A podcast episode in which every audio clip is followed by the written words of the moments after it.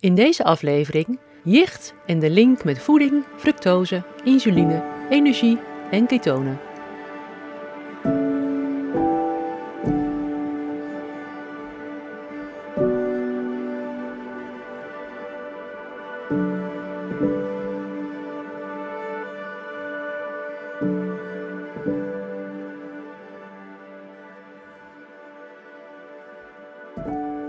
Welkom bij de Keto Podcast. Mijn naam is Louisa Blikkenhorst.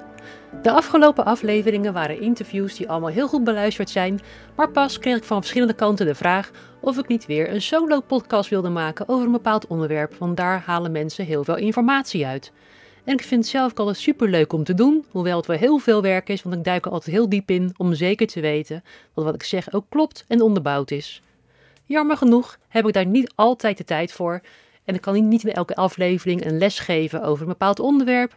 Maar wil je wel alles leren over het ketogeen dieet, hoe het metabole proces werkt en wanneer de koolhydraten drastisch beperkt worden, over hoe ketogenese werkt, hoe ketonen weer gevormd worden eh, tot energie, of als je meer wilt leren over insulineresistentie of de geweldig interessante werking van ketonen op het brein, dan zit er maar één ding op en dat is een scholing komen volgen bij Ketogeen Instituut Nederland. Dat zie ik echt als de broodnodige basis waarop je er vervolgens verder kunt gaan uitbreiden met je kennis en het ook gaan toepassen. Zelf leer ik voortdurend bij en er vallen ook steeds uh, bepaalde puzzelstukjes op hun plek of ik ontdek weer een nieuw terrein waarbij ketose een interessante rol kan spelen. En ik ben nog lang niet uitgeleerd, merk ik. Dus als je les wilt over het ketogeen dieet, en de lesdag daarover wilt bijwonen en een dag waarop we het de hele dag gaan hebben over ketose, ketonen, metabolisme en de toepassing in de praktijk. Een dag waarop je me echt alles kunt vragen. Ja, nou dan zou ik zeggen, kom gewoon les volgen bij mij. Het mooie is dat de lesdagen ook steeds gevulder raken en de belangstelling is flink gegroeid in vergelijking met vorig jaar. En daar ben ik ook super blij mee. Er komen ook steeds meer geschoolde keto professionals bij. Uh, hoe meer er zijn in Nederland, hoe beter natuurlijk. België blijft nog een beetje achter. Er zijn pas een paar ketotherapeuten, dus kom op België. Maar in Nederland worden het er steeds meer. Ik ben dan ook super trots om te zeggen dat begin dit jaar, 2023, het platform Keto Professionals is opgericht. En dat zijn therapeuten en coaches die je op mijn website ziet staan. Dat zijn de professionals die actief bezig zijn met keto coaching met een up-to-date kennis. Zij doen regelmatig mee met casuïstiek, een masterclass en er komt ook een terugkomdag bijvoorbeeld. En daarmee heb ik een soort kwaliteitsgarantie gecreëerd. Want van de pakkettenprofessionals die op mijn website staan vermeld, weet je zeker dat ze of een recentelijke scholing hebben afgerond, of dat ze al wat langer actief zijn en ook actief lid van het uh, platform Keto Professionals. We zijn pas in januari van dit jaar, 2023, begonnen met het platform en ik ben heel blij met de leden die zich aangemeld hebben en die ook echt hun schouders eronder zetten. Samen gaan we de ketogene therapie en leefstijl actiever uitdragen in Nederland en in België. En zo keto-coaching beter toegankelijk maken voor iedereen die daarnaar op zoek is. Vorig jaar heb ik als voorproefje zelf een masterclass gegeven over keto en de hormoonhuishouding en vruchtbaarheid. En volgende maand is er een masterclass met Dr. Ivo Zijpkens als gastspreker. En in mei geef ik dan weer zelf een masterclass over het onderwerp exogene ketonen. En na het samenstellen van deze podcast zou het zomaar kunnen dat er later dit jaar ook een masterclass over gaat komen, want er is nog veel meer over te vertellen dan in één podcast eigenlijk past. Dus ja, we zijn goed bezig en niet alleen voor de professionals, maar ook vooral voor de mensen die op zoek zijn naar een goede ketotherapeut of ketocoach, die nu terecht kunnen bij goed onderlegde professionals voor een hele goede begeleiding. Nou goed, dat wil ik even met je delen, want je hoort, ik ben hier heel enthousiast over en apen trots natuurlijk. Terug naar de podcast van vandaag, waarin ik het ga hebben over jicht en natuurlijk over de link met voeding, ketonen, de energiehuishouding, maar ook vooral over fructose, alcohol en insuline. Er is een groot verschil tussen hoe regulier jicht beschouwd wordt en behandeld wordt en hoe je jicht ook kunt zien en behandelen vanuit uh, de ketogene metabole therapie. En dan zul je merken dat regulier vooral uh, het symptoom van de aandoening behandeld wordt en met ketogene therapie de bron van het ziektebeeld wordt behandeld. Ik zie jicht als iets wat ontstaat stroomafwaarts van de bron, van de echte oorzaak. En na deze podcast denk ik dat je heel anders gaat aankijken tegen jicht en hoe je dat het beste kunt behandelen. Laten we eerst eens kijken naar wat jicht is, volgens de algemene bronnen. Van oudsher werd jicht in verband gebracht met de levensgenieters, de bon vivants. Het werd ook wel de ziekte van koningen genoemd, omdat het vooral voorkwam onder welgestelde mensen die lekker veel te eten en te drinken hadden. Vandaag de dag roept jicht nog steeds het beeld op van een oudere, stevige man die van een lekker, gla lekker glaasje houdt en lekker eten. Maar het komt ook voor bij vrouwen die niet of niet meer menstrueren en het vermoeden bestaat dat oestrogeen bescherming biedt tegen jicht. Jicht kan op verschillende manieren tot uiting komen. Het meest bekend en het vaakst voorkomend zijn de terugkerende aanvallen van acute ontsteking van de kleine gewrichten en dan vooral in het gewricht aan de basis van de grote teen. En kenmerken zijn een rood, warm, opgezwollen en zeer pijnlijk gewricht. Het kan ook voorkomen in de gewrichten zoals de hielen, de enkels, de wreef, de knieën, polsen, vingers, maar ook in de oorschelp. Naast pijnlijke gewrichten kan het ook leiden tot vermoeidheid en er kan zich ook koorts voordoen. De pijn is zo hevig dat het functiebeperkend is en wanneer de ontsteking in de teen of in de hiel zit, dan is lopen erg moeilijk. Zonder behandeling gaat een acute jichtaanval meestal in 5 tot 7 dagen weer over en ruim de helft van de patiënten krijgt binnen een jaar een tweede aanval, maar soms ook vaker. Urinezuur speelt een grote rol bij het ontstaan van jicht. Normaal wordt urinezuur uitgescheiden via de nieren, maar bij jicht zien we een abnormale ophoping van urinezuur. Dit slaat neer in de vorm van uraatkristallen in de perifieke, zachte weefsels, wat pijnlijke ontstekingen veroorzaakt. En dit gebeurt vooral als het interne milieu wat verzuurd is. Dan kan urinezuur minder goed uitgescheiden worden. Er kunnen dan depots ontstaan van urinezuur die spontaan tot kristallisatie komen en een aanval veroorzaken van acute jicht. Urinezuur is een metaboliet, een, een product van de uh, afbraak van purines, die vooral voorkomen in eiwitten van dierlijke producten, maar ook bijvoorbeeld in gist. In de nieren kunnen hoge urinezuurwaardes leiden tot vorming van nierstenen en tot verlies van de nierfunctie. Op dit idee is een voedingsadvies gebaseerd wat ik online vond, waarbij het eten van rood vlees, varkensvlees, kip en eend, orgaanvlees, makreel, haringen en kleine vissen zoals anchovies en sardines, schaal- en schelpdieren wordt afgeraden, maar ook groenten zoals asperges, bloemkool, peulvruchten, sojaproducten, sperziebonen, spinazie en champignons. Die moeten allemaal van het menu geschrapt worden. En ja, daarnaast moet natuurlijk ook alcohol vermeden worden. En frisdrank en vruchtsap moeten geminderd worden. Dit klinkt als een heel ongezellig voedingspatroon en er blijft nog maar weinig over wat je dan eigenlijk kunt eten. En dit maakt therapie trouw heel erg moeilijk. Behandeling bestaat vaak uit het remmen van de ontsteking met NSAID's, ontstekingsremmers dus, of prednison, maar ook colchicine, een ouder geneesmiddel wat een alkaloïde uit de herfstijloos bevat, wat jarenlang een veel voorgeschreven middel was. Maar tegenwoordig is men daar wat voorzichtiger mee vanwege de vele bijwerkingen. Zodra de ontsteking voorbij is, moet de patiënt zich gaan houden aan het dieet, moet langzaam gaan afvallen, ruim voldoende drinken, water bedoel ik, acute lichamelijke en geestelijke stress voorkomen en ook bepaalde kruidentheeën of bazendruppels en poeders kunnen worden gebruikt om te helpen ontzuren. Op strikte indicatie kunnen er medicijnen worden voorgeschreven die het urinezuur kunnen verlagen. Allopurinol is zo'n middel wat de omzetting van purine naar urinezuur remt. Hier kleven wel een aantal waarschuwingen en bijwerkingen aan en moet gedaan worden onder toezicht van een arts. Een Belgisch online geneesmiddelenbulletin trekt in twijfel of deze medicijnen wel effectief zijn. De behandelingen zijn gebaseerd op het treat to avoid symptoms principe en deugdelijk bewijs ontbreekt. De ontstekingsremmers kunnen alleen de acute gevallen onderdrukken en langdurige behandeling met urinezuurverlagende medicijnen is niet eenvoudig en ook niet zonder bijwerkingen. Het verminderen van de purines in de voeding heeft opvallend vaak juist geen invloed op jicht. Er wordt niet gekeken naar de oorzaak waardoor een effectieve interventie met langdurig resultaat uitblijft. Laat ik even samenvatten hoe over het algemeen gedacht wordt over jicht. Door het eten van purinerijke voeding stijgt urinezuur tot abnormale hoogtes in het bloed. Urinezuur slaat neer in de vorm van flinterdunne en vlijmscherpe kristallen in bepaalde gewrichten en dit veroorzaakt een hevige en pijnlijke ontstekingsreactie die behandeld moet worden met pijnstillers, ontstekingsremmers en daarna urinezuurverlagende medicijnen, dus tot dusver de reguliere kant in een notendop. Maar wat blijkt nou? Niet iedereen die hoge urinezuurspiegels in het bloed heeft, krijgt jicht. Slechts 1 op de 10 mensen met hoge urinezuurspiegels krijgt daadwerkelijk jicht. Maar het is dan wel zo dat alleen hoog urinezuur de voorwaarde is om jicht te krijgen. Zonder urinezuur ontstaat er dus geen jicht.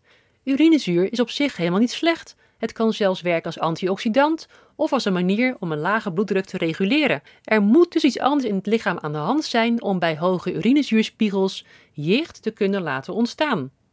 Laten we eens op zoek gaan naar het mechanisme achter het ontstaan van jicht om te ontdekken wat er nou eigenlijk aan de hand is. En hierin heb ik meerdere lagen gevonden. Laten we beginnen met laag 1 en dan steeds als een ui een laagje eraf pellen tot we bij de kern komen. Oké, dus over het algemeen wordt aangenomen dat purinerijke voeding grotendeels de oorzaak is van de verhoging van urinezuur. De onderbouwing hiervoor is in de medische literatuur op zijn zachtst gezegd nogal dun. Epidemiologische studies kunnen niet bewijzen dat het eten van dierlijke uh, voeding jicht kan veroorzaken.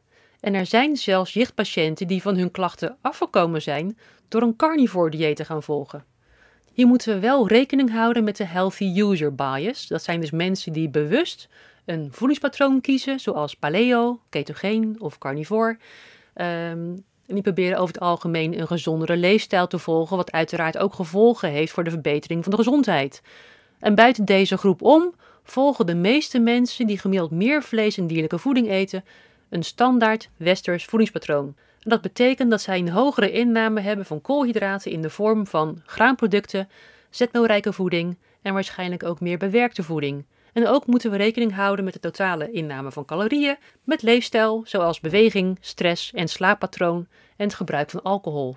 Voedingsstudies kunnen hele tegenstrijdige uitkomsten hebben. Zo is er ook een studie die aantoont dat vegans een hogere urinezuurspiegel hebben dan de, uh, de vis- en vleeseters.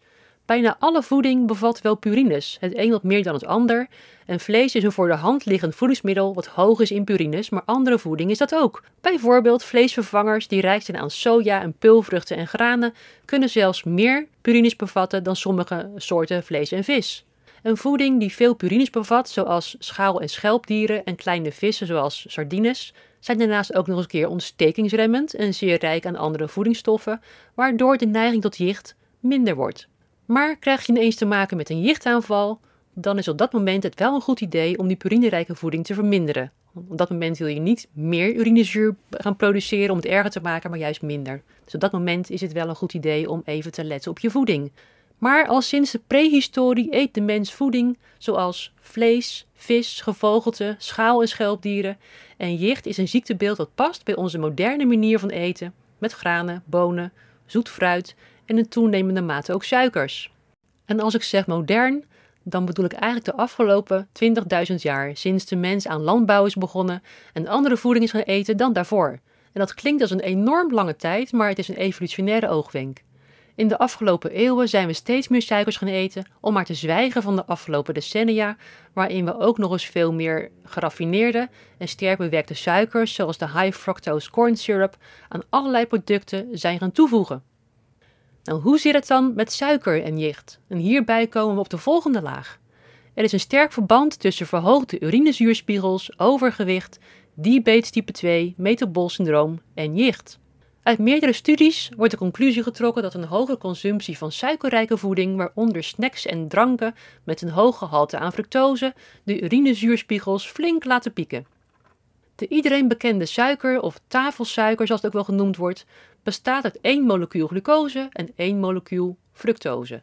Fructose zit vooral in fruit, wordt ook wel vruchtensuiker genoemd, maar ook in honing en alternatieve zoetmiddelen zoals agavesiroop, vruchtensap, vruchtensmoothies, diksap en alle andere zoete producten die ook wel gezond zoet genoemd worden. En het is als glucose-fructose-stroop te vinden als zoetmiddel in allerlei snacks, frisdranken en kant-en-klaar producten, Pak voor de grap eens een kant-en-klaar product uit het schap in de supermarkt en check het etiket op glucose fructosestroop. Denk aan maaltijdmixen, sauzen, vleeswaren en dat soort producten. Wedden dat erin zit? Fructose is een type suiker waarvan bekend is dat het invloed heeft op de vorming van de urinezuur. Hoe en waarom dat gebeurt, daar kijken we zo naar. In het lichaam wordt fructose afgebroken in de lever om er energie van te maken. Het wordt omgezet in glucose, lactaat en vetzuren. De laatste jaren staat fructose in een slecht daglicht omdat er steeds meer bekend wordt over de schadelijke effecten ervan. Zo vertraagt fructose de opname van de kleine LDL-deeltjes in de lever, het cholesterol-LDL bedoel ik dan. Het omzetten van fructose in vet is een proces wat novolipogenese uh, heet en dit kan leiden tot opslag van vet in de lever. En dit kan weer leiden tot het ontstaan van niet-alcoholische leververvetting. Vroeger kregen alleen alcoholisten een vette lever, maar tegenwoordig ook tieners die veel frisdrank drinken. Fructose is hiermee in het verdachte bankje terechtgekomen als oorzaak van vele metabole verstoringen en ziektebeelden. En we zouden kijken naar suiker, glucose en nu had ik het vooral over fructose.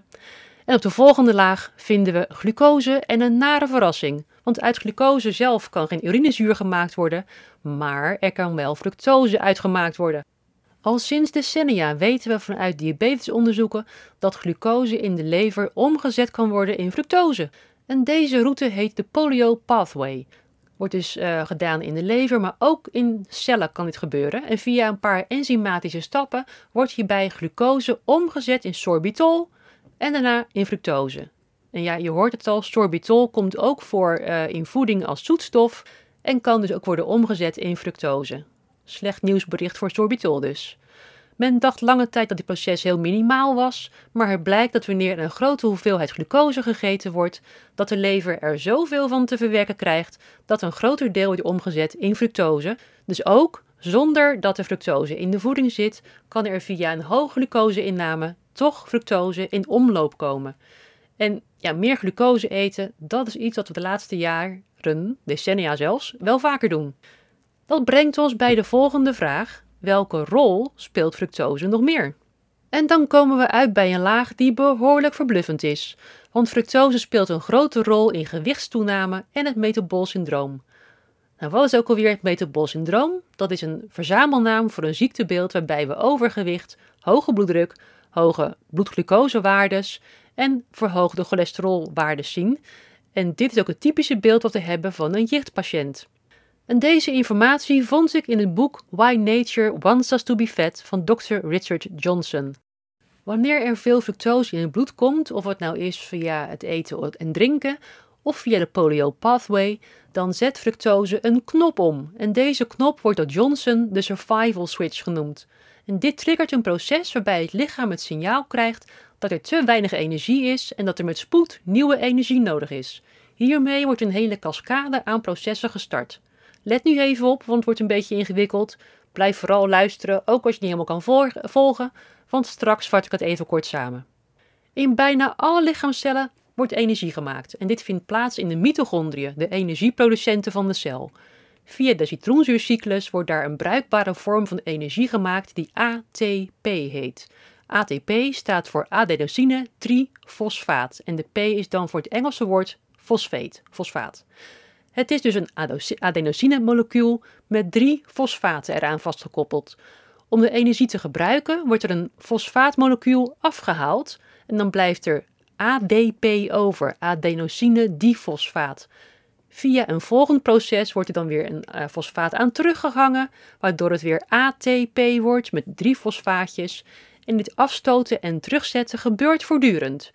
Ziet er een beetje uit als een dynamo die voortdurend energie eruit slingert. Het omzetten van glucose en vetten in energie is een proces wat ook energie kost, maar uiteindelijk ook meer energie oplevert. En bij fructose is dit niet zo. Het wordt zeer snel afgebroken, waarbij dus veel ATP wordt verbruikt. En wanneer er plotseling veel fructose afgebroken moet worden, daalt de ATP, de, energie, in de cel veel te snel. ATP wordt dan ADP en daarna zelfs AMP. Dus de ATP met drie fosfaten wordt dan ADP met twee fosfaten, maar kan niet opnieuw geladen worden, terwijl er wel energie nodig is. Um, er kan dus geen nieuw fosfaatje aangehangen worden en het breekt eigenlijk verder af naar AMP, adenosine monofosfaat, met maar één fosfaatje eraan. En dit is voor het lichaam en voor de cel een noodsignaal. Hier gaan allerlei alarmbellen rinkelen. Om dan toch nog energie te kunnen genereren, worden zelfs de nucleotiden uit het RNA en DNA afgebroken en dat zijn purines. Purines uit je eigen lichaam en die purines worden omgezet in urinezuur. En daarnet vertelde ik dat purinerijke voeding zorgt voor hogere urinezuurspiegels. En meestal wordt dus gedacht dat het eh, uit de voeding komt en op deze manier voor jicht kan zorgen. Maar als je even heel goed nadenkt over wat ik net uitlegde, dan begrijp je dat jicht een energietekort is in de lichaamcellen, veroorzaakt door fructose. En niet eens fructose uit de voeding, maar fructose die het eigen lichaam heeft gemaakt vanuit glucose. Op die manier kan koolhydraatrijke voeding dus een grote factor zijn in het ontstaan van hoge urinezuurspiegels die leiden tot jicht. En hoe komen we nou ook alweer aan die hoge urinezuurspiegels? Nou, Punt 1 door het eten van purinerijke voeding. 2 door fructose te eten. 3 door glucose te eten. Uh, en wat ik nog niet genoemd heb, is het drinken van alcohol. Dat is ook een bekende factor. Vooral bier, wat een combinatie is van gist en alcohol. Extra veel urinezuur krijg je daarvan. Maar ook glutamaatrijke voeding, de umami-smaken zoals we dat noemen, de hartige smaken, die dragen ook bij aan meer urinezuur. En ook uh, door hoog intensief sporten of trainen, want ook spierafbraak kan zorgen voor hoger urinezuur. En wat ik ook nog niet genoemd heb, is het drinken van te weinig water en te veel zout in combinatie met koolhydraten eten. Ook dat is garantie voor meer urinezuur. En nu zijn we er nog niet, want eerder zei ik ook dat, jicht, um, dat we alleen jicht bij hoge urinewaardes zien, maar dat niet iedereen met hoge urinewaardes ook daadwerkelijk jicht krijgt. Er moet dus meer in het lichaam aan de hand zijn voordat er zich kristallen gaan vormen uit urinezuur en die vervolgens ontstekingen veroorzaken in de gewrichten. Nou, daar gaan we zo mee verder. Eerst kijken we nog even naar de survival switch, want het is belangrijk om die ook goed te begrijpen. De survival switch is nu geactiveerd door fructose, zorgt voor een noodsituatie in de energiehuishouding. En zoals met zoveel situaties in ons lichaam eh, zijn kortdurende stressprikkels vaak een stimulans voor een mechanisme om optimaal te gaan werken en tot herstel te komen. En even is prima, maar chronisch is een probleem. Dan is het geen prikkel meer, maar dan is het een situatie geworden. En vanuit de evolutie zijn we aangelegd om noodsituaties te overleven, ook langdurige situaties. En daar hebben we allerlei manieren en mechanismen voor. En daarom zijn we vandaag de dag Homo sapiens en zijn we er ook nog steeds. Kortdurend energiegebrek, wat leidt tot hogere uh, urinezuurwaardes, had zelfs een groot evolutionair voordeel. Zo kan urinezuur zorgen voor een hogere bloeddruk, wat in acute stresssituaties juist gunstig kan zijn. Want door een hogere bloeddruk uh, kunnen er sneller stoffen door het lichaam getransporteerd worden die nodig zijn voor overleving. En ooit, miljoenen jaren geleden, heeft urinezuur ervoor gezorgd dat we meer vet konden opslaan. En dit zorgde ervoor dat we in tijden van hongersnood konden teren op ons eigen vet en langere tijd zonder voedsel konden overleven en zelfs zonder water, want bij vetverbranding komt ook water vrij. Maar dat is een zijsprong waar we nu even niet verder op ingaan. Als je daar meer over wilt weten, dan raad ik je het boek van Richard Johnson aan. De survival switch zet allerlei mechanismes aan. Het stimuleert honger. Door fructose ontstaat er honger in de cellen, wat aanzet tot hongergevoelens. Het zorgt voor leptineresistentie. En leptine is een hormoon wat aan het brein de boodschap geeft dat er verzadiging is. En wanneer er uh, resistentie is ontstaan, dan komt die boodschap niet meer aan en herken je de verzadiging niet meer. Het zet dus aan tot vetopslag en gewichtstoename en een gevolg hiervan is dat je cravings krijgt. En dit leidt tot fourageergedrag, oftewel het voortdurend op zoek zijn naar eten. Dit maakt dat de mens meer risico's neemt om aan voedsel te komen. Het gedrag wordt roekelozer, impulsiever en agressiever. Het leidt tot een lager rustmetabolisme. Het lichaam bespaart dus energie. En naast dat er door fructose meer vetopslag plaatsvindt, wordt er ook glycogeen opgebouwd. Het lichaam wil de energievoorraad op orde hebben nu de survival switch is omgezet. En met glycogeen wordt er ook meer water vastgehouden. Door het opslaan van water ontstaat er uitdroging, wat weer leidt tot meer dorst. Het water wordt uit het bloed gehaald en uh, is niet meer beschikbaar voor andere delen in het lichaam. Ook neemt insulineresistentie in de spieren toe. Dit is een manier van het lichaam om meer glucose beschikbaar te maken voor het brein. En deze situatie zorgt voor meer oxidatieve stress in de mitochondriën. Verhoging van de bloeddruk om zo te zorgen voor meer circulatie in het geval van uitdroging of weinig beschikbaarheid van zouten. Nou, hier, ook hierbij speelt urinezuur dus een rol. Uh, zouten vasthouden, gestimuleerd door het effect van fructose op de nieren. Laaggradige inflammatie, want urinezuur zorgt voor afgifte van interleukine 1. Dat is een, uh, een signaalstofje voor het immuunsysteem wat een uh, immuunrespons oproept in de cellen. En tot slot een lagere zuurstofbehoefte voor de energiehuishouding. Want in noodsituaties of bij energietekort kunnen de cellen van de aerobe glycolyse of vetzuuroxidatie overschakelen op de anaerobe glycolyse. En door middel van fermentatie kan dan zonder zuurstof toch energie geproduceerd worden. Hierbij komt dan wel weer meer lactaat vrij en ook wel wordt dit genoemd het Warburg-effect. Voor even overleven is het allemaal prima en het herstelt erna wel weer, maar je begrijpt dat wanneer deze situatie langdurig is, dat het een recept is voor allerlei ziektes. En als je nog jong bent of een getraind sporter, dan heb je nog gezonde mitochondriën en die hebben lekker veel uh, veerkracht, dan kun je veel suikers eten en frisdrank en alcohol drinken en chips of friet eten. Friet is bijvoorbeeld een super manier om je urinezuur te verhogen, want het is een combinatie van koolhydraten en zout, met ook nog eens een keertje slechte vetten. Urinezuur en ontsteking zijn het resultaat. Biertje erbij of een colaatje en hopla, urinezuur gaat helemaal door het dak. Dus even snel een tip: drink er water bij en dan zwak je dat effect enigszins af. Dus voortaan een glas water bij je frietje in plaats van een biertje. Klinkt minder gezellig, maar wel effectief. Omdat de mitochondriën nog zo goed werken, lijken ze er weinig van te merken. Maar als je ouder wordt of minder goed werkende mitochondriën hebt, door bijvoorbeeld een virusinfectie of een langdurige stress of een inflammatie, dan worden die effecten wel merkbaar en een chronisch energietekort is waar je uiteindelijk mee te maken gaat krijgen. Nu hebben we langzaam maar zeker de factoren in beeld en de puzzelstukjes bij elkaar die het beeld van jicht gaan vormen. En stap voor stap wordt het kanon in stelling gebracht, het wordt geladen, iets moet tenslotte de lont aansteken voor wat de aanval gaat starten. En hierbij komen we aan bij een hypothese van Dr. Peter Delanoy. Op YouTube heeft hij het kanaal Dr. Pete's Keto Club, waar hij grotendeels uh, zich heeft gewijd aan jicht. Van oorsprong is hij biochemicus en een aantal jaar geleden werd hij gediagnosticeerd met prediabetes en kreeg rond die tijd ook zijn eerste jichtaanval. En na veel onderzoek en zelfexperimenten, waarbij hij eh, zichzelf met een ketogene voeding weer metabol gezond kreeg en zijn jichtaanvallen ook wegbleven, kwam hij met een hypothese. Zijn stelling is dat vorming van kristallen uit urinezuur slechts de voetafdruk is van een ander beest, een ander proces. De cellen in het kraakbeen van de gewrichten, de chondrocyten, zijn volgens hem al geïrriteerd geraakt door jarenlange hyperglycemie, hyperinsulinemie, chronische laaggradige inflammatie. Wanneer urinezuur in de cel binnenkomt, dan kan dit leiden tot vormen van uraatkristallen, wat de ontsteking doet opvlammen. Hoe deze kristallen nou uiteindelijk precies gevormd worden, is niet helemaal duidelijk, maar het is wel duidelijk dat er meerdere metabole verstoringen betrokken zijn bij het ontstaan van jicht. Een andere vraag die hij stelt is of er verschillende vormen van artritis mogelijk een deel van het verstoorde metabolisme en ontstekingsproces met elkaar delen, maar uiteindelijk tot een ander soort gewrichtsontsteking leiden. En dat er een verband is tussen voeding, metabolisme en artritis wordt in vele wetenschappelijke studies wel aangetoond.